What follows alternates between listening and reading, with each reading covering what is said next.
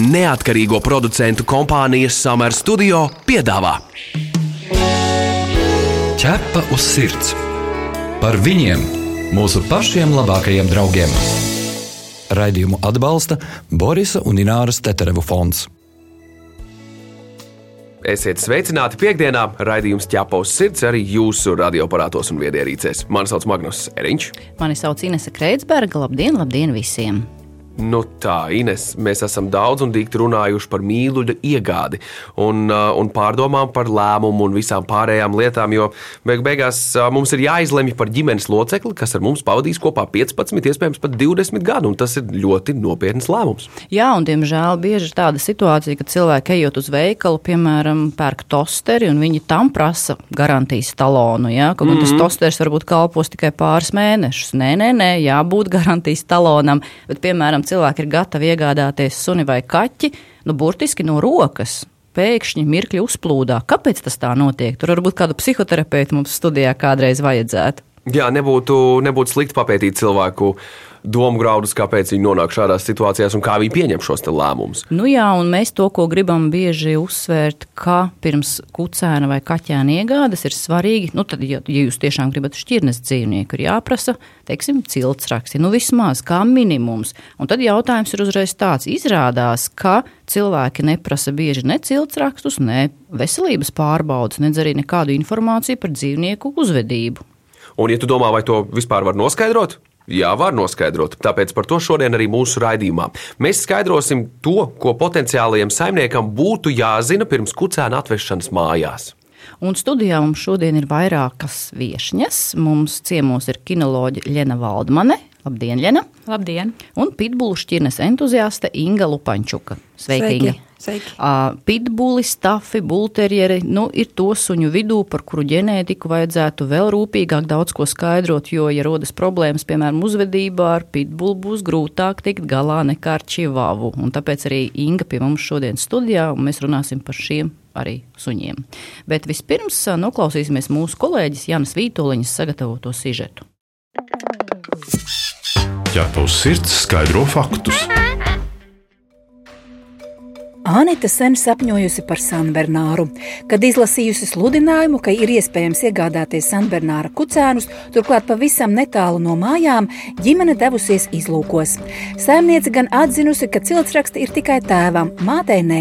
Tā kā kucēna pēc izskata bija izteikti Sanbernāri, viens no viņiem ienācis Anitas mājās tajā visās teiksim, tā, emocijās, un kad esi vēlējies tādu suni, tu pat nepadomā iespējams par to, ka tie vecāki, kuri tika it kā atrādīti, ka tie šausmīgi ir reji, un tu beigās tikai pēc tam sāc likt visu kopā to stāstu, kad īstenībā tie vecāki jau parādīja, ka viņi ir nikni, plus vēl viņi tiek turēti voljēros šie vecāki, kas, man liekas, arī šo niknumu vēl pastiprina. Pirmās agresijas izpausmes sunim parādījās astoņu mēnešu vecumā, kad pēkšņi sācis riet uz svešiniekiem un reizēm pus pa jokam, pus nopietni laist darbā zobus. Tiesa ne pret ģimenes locekļiem.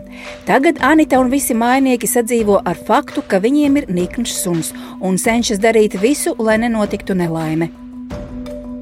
Staffordšīras terjeris nav pirmais šīs šķirnes suns Oksanas ģimenē. Savu tagadējo suni atraduši sludinājumu portālā. Uzrunājusi cena - 240 eiro. Vai sunim ir ciltsraksti, nākamajiem saimniekiem nešķitis būtiski. Mēs gribējām stāstu, mēs zinājām, ko mēs gribam. Bildēs bija abi suņi vecāki. Laikam mēs iekritām uz tām bildēm. Abi suņi arī tēvs, gan māte, abi stafi. Pat iedomāties nevarētu, ka manam kucēnam, mūsu kucēnam būs daudz garākas kājas. Kaimiņiem iesauks par kalnu kazu. Lai nākamajiem saimniekiem nebūtu pārsteigumu par suņa raksturu, atbildīgi audzētāji veic kucēnu testus, stāsta kinoloģe Ilze Fogele.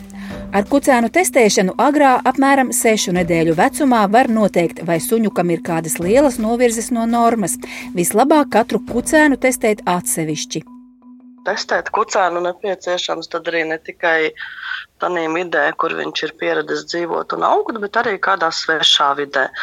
Konstatēt, vai ir kaut kādas fobijas, pieņemsim, fobija no augstuma, vai viņam ir bail no kaut kādiem trokšņiem, vai viņam ir bail no virsmām, cik viņš ir tendēts uz ēdienu, kā viņš reaģē uz kaut kādiem svešiem objektiem. Vai sunim ir tendence uz agresiju, tik agri vēl nav iespējams noteikt. Protams, kad kucēns aug, viņam raksturs mainās, un vienu dienu viņš ir tāds, otru dienu viņš ir tāds. Bet tādas um, globālas lietas uh, var tomēr redzēt agrā vecumā. Ja viņš, pieņemsim, baidās no trokšņiem, tad viņu var pieredzināt. Bet gandrīz ar lielu pārliecību es varu pateikt, ka agri vai vēl tāpat tā šī problēma izlīdīs. Jo viņa jau viņam ir. Ja audzētāji nav veikuši kucēnu testus, nereti nākamie saimnieki pirms iegādājas mājas mīluli atved kinologu pie audzētāju un kucēniem paši, lai būtu izdarīts viss iespējamais, lai mājās ienāktu tāds suns, kādu patiešām vēlas. Ķerpa uz sirds, diskutē. Nu, re, tikko noklausījāmies sižetu. Skaidrs ir tas, ka ir problēmas un ar tām ir jātiek galā. Ko mēs varam secināt? Cilvēki nezina, ko vispār jautāt audzētājiem, un kādus dokumentus vajag. Gļena, vai tu mums vari pastāstīt, kas būtu jāprasa kucēnu tirgotājiem pirms suņu iegādes?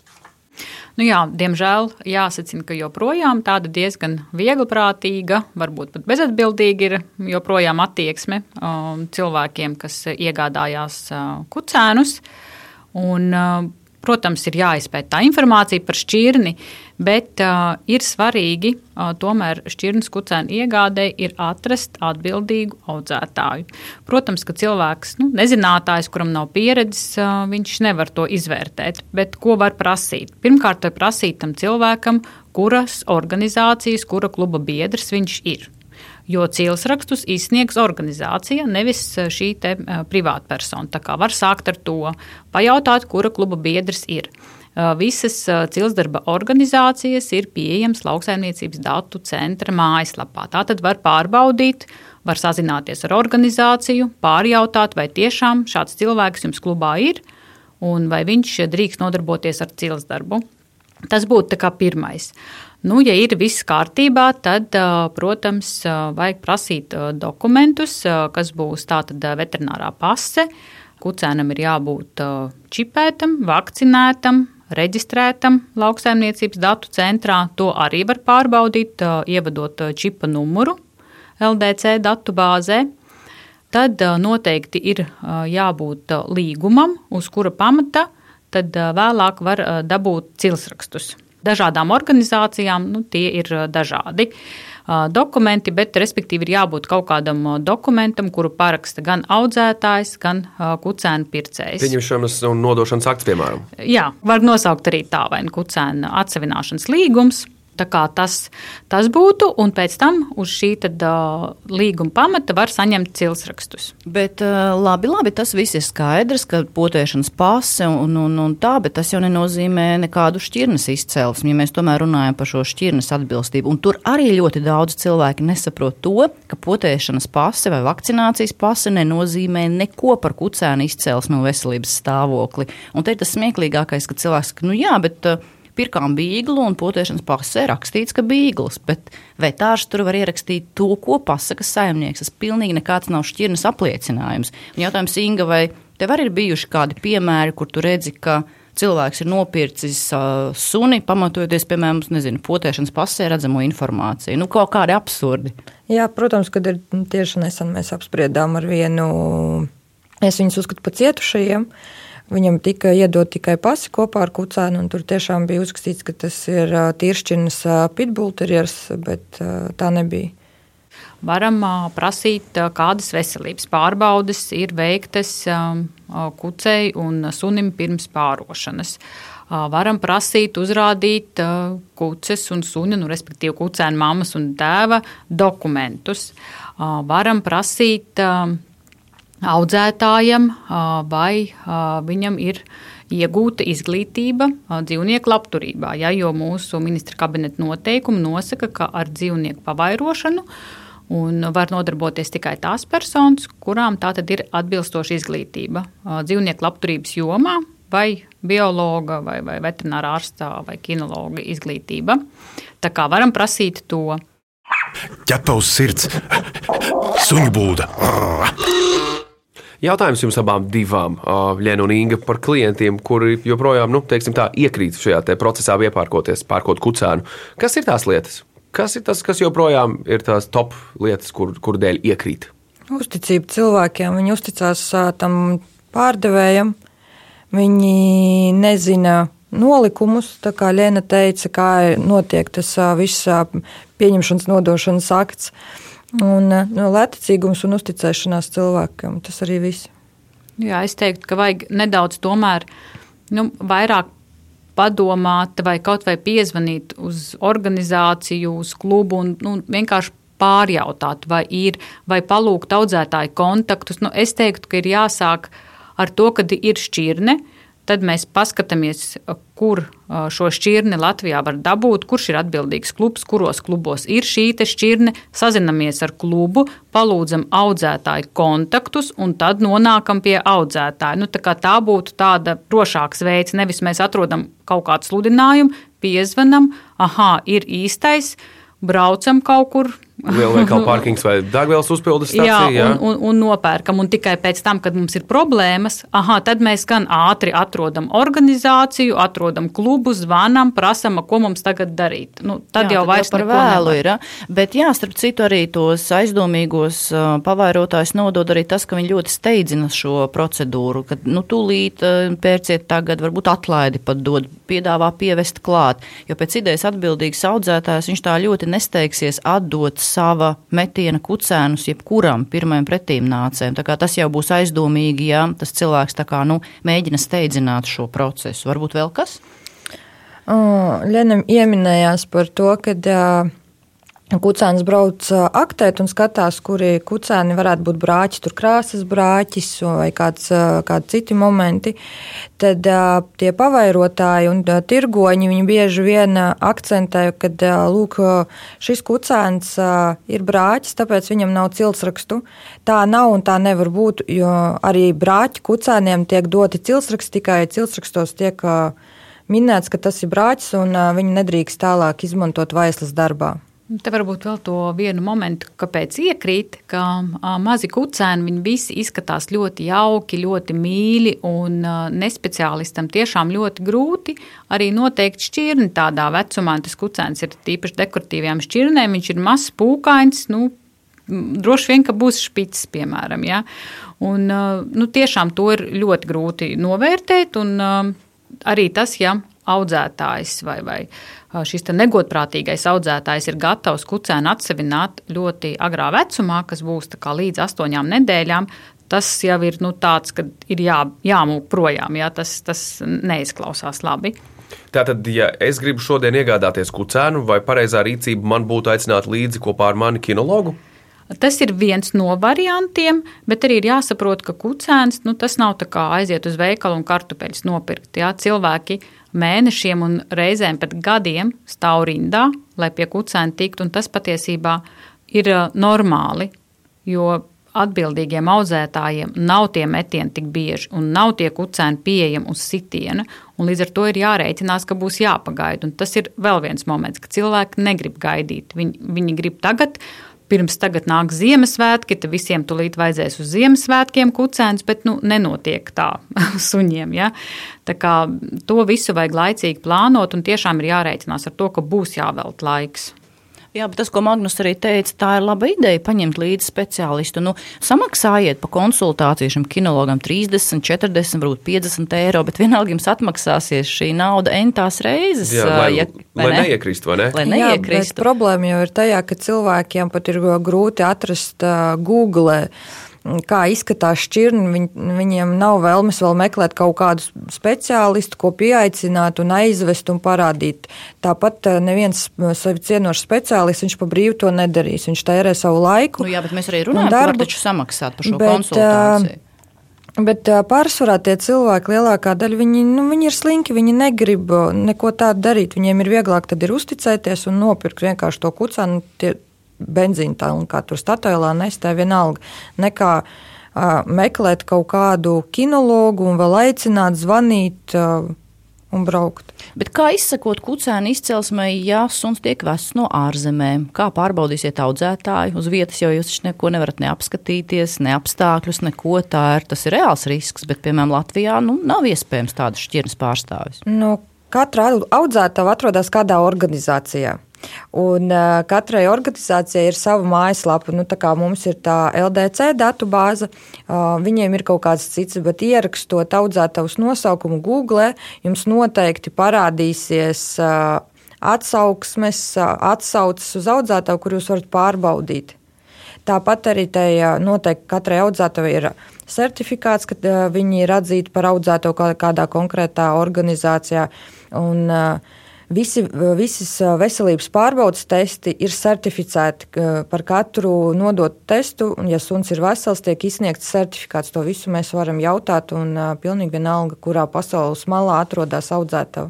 No nu, kāda to klātienes efektu, tad viņu kā zūmā vai skaipā video izgrozīja to kucēnu no visām pusēm? Nu kā? Nu, nu, tur ir vienkārši nu, nu, jāuzticas audzētājai. Nu, es pirku, visi man trīs suņi no, tika nopirkti ārzemēs. Pēc foto. Pēc foto, jā. Viens pat bija mans mango, mangucīts, viņš vispār tika nopirkts, kad vēl viņi nebija piedzimuši. Es stāvēju rindā. Es pateicu, es piesakos šokolādes puikam.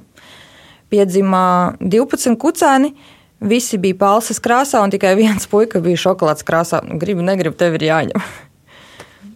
Nu, vēl kā variants um, cilvēku, kur izmanto piemēram sociālos tīklus, ir ļoti daudz šķirņu grupas um, dažādās valstīs un pasaules, uh, vispasaules šķirņu grupas. Ja, vienmēr var arī pajautāt tur atsauksmes, nu, vismaz kaut kādus uh, komentārus ievākt.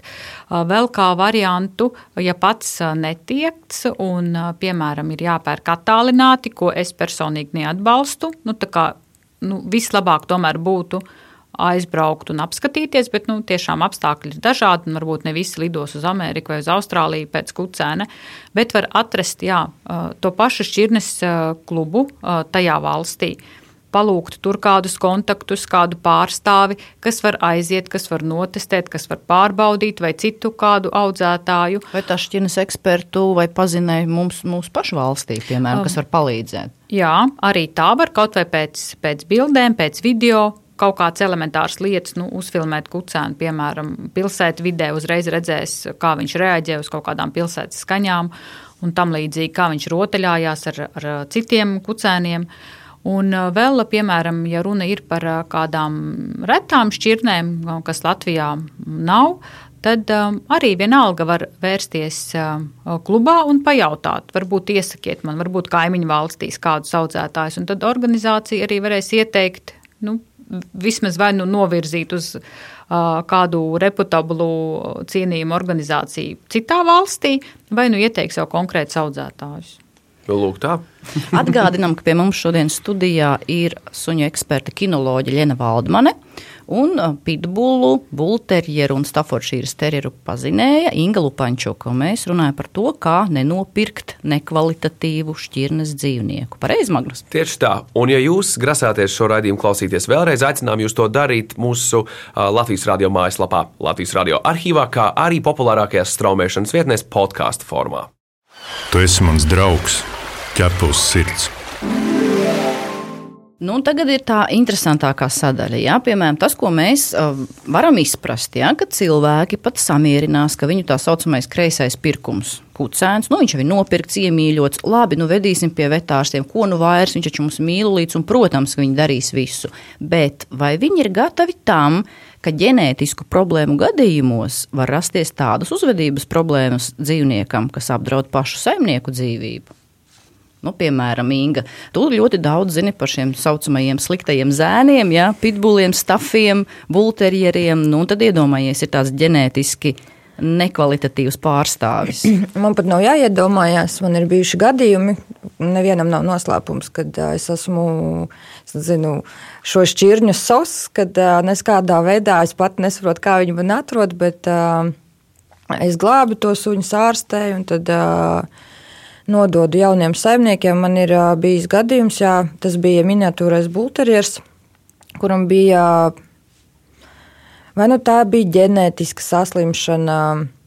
vai neiroloģija, bet viņam ik pa laikam, nu, tautā saka, kriticiet šī berītis. Viņš varēja pienākt, samīļoties, un pēkšņi palika agresīvs, nevaldām agresīvs.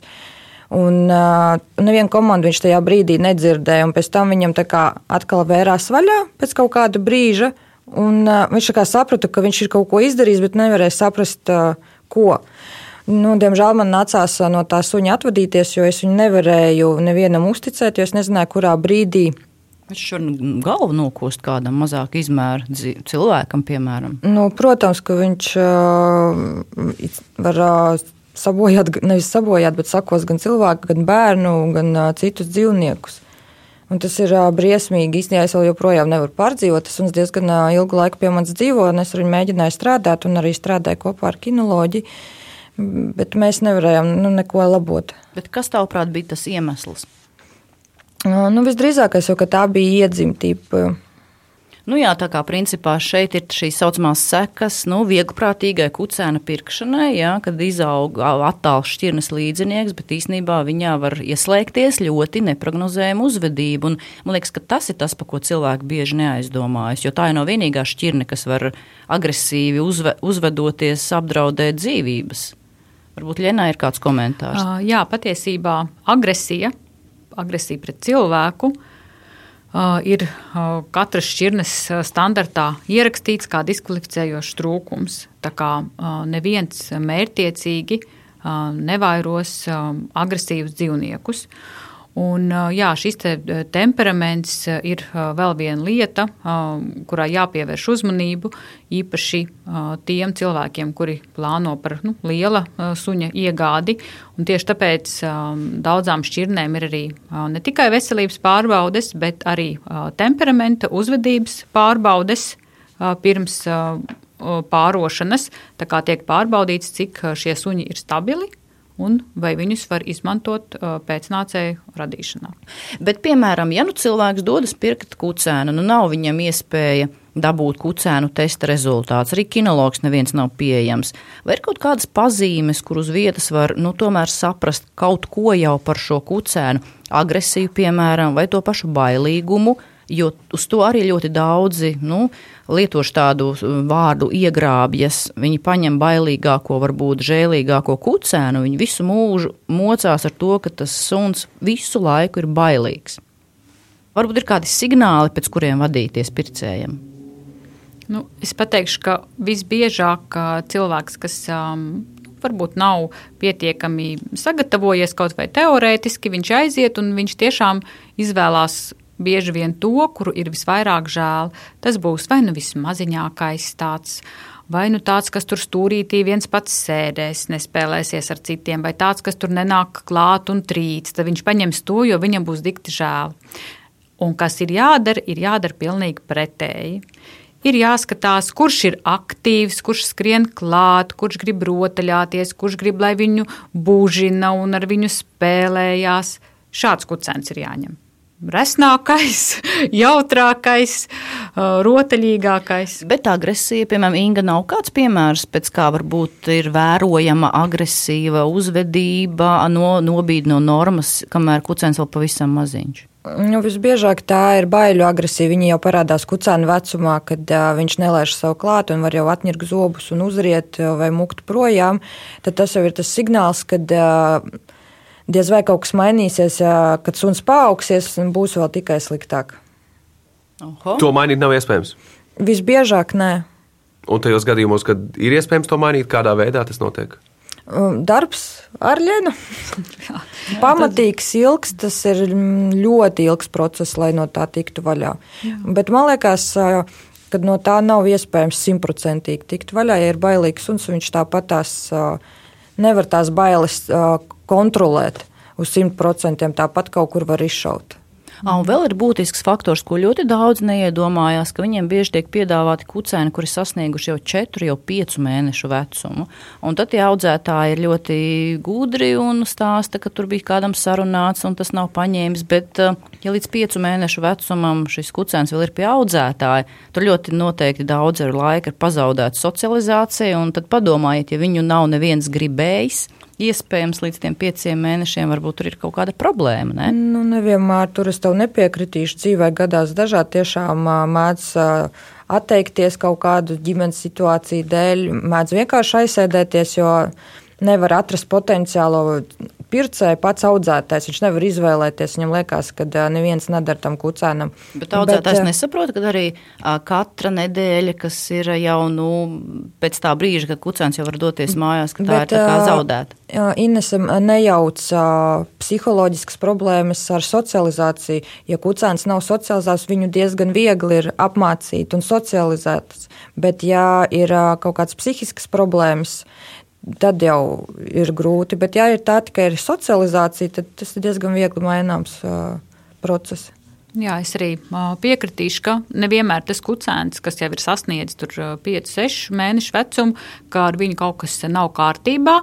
Reizēm audzētājs tieši patur to metienā labāko, perspektīvāko un paskatās, nu, vai tiešām kā varbūt atstāt viņu sev vai atrast kādu, kas gribēs kopīpašumā šo te, uh, suni. Un tad, nu, jā, varbūt dažādi apstākļi, un tad tomēr audzētājs izdomā, ka viņš šo kucēnu pārdos. Un es teiktu, ka, ja audzētājs ir ar šo suni tiešām strādājis, tad tas ir labs variants, jo viņam jau būs visas pamatiemaņas.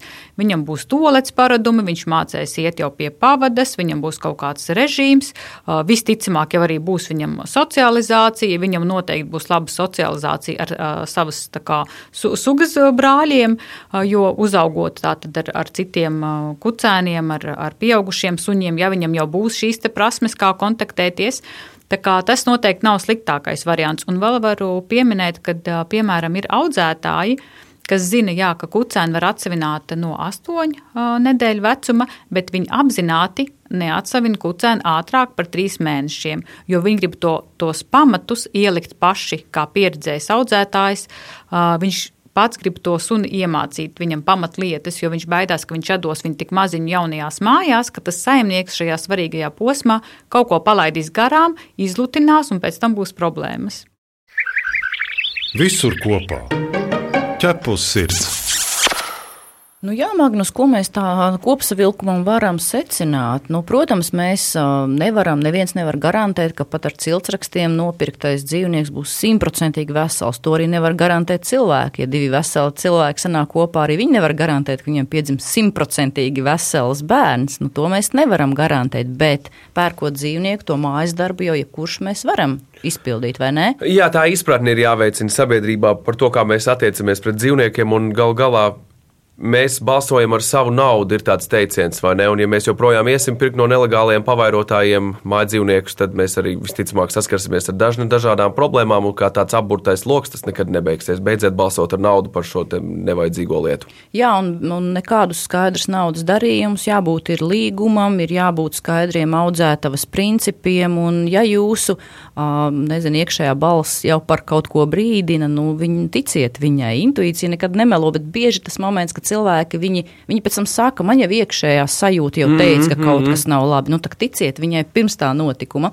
Bet varbūt pašā nobeigumā, Lēna Inga, varbūt jums ir kāds tāds top padoms, kas var noderēt mūsu klausītājiem, ko jūs no savas pieredzes varat pateikt, piemēram, tiem, kas šobrīd varbūt svārstās, kuru no teiksim, diviem vai trījiem kucēniem ņemt, vai kuri šobrīd ir tajā pārdomu procesā, varbūt viņiem tas palīdzēs.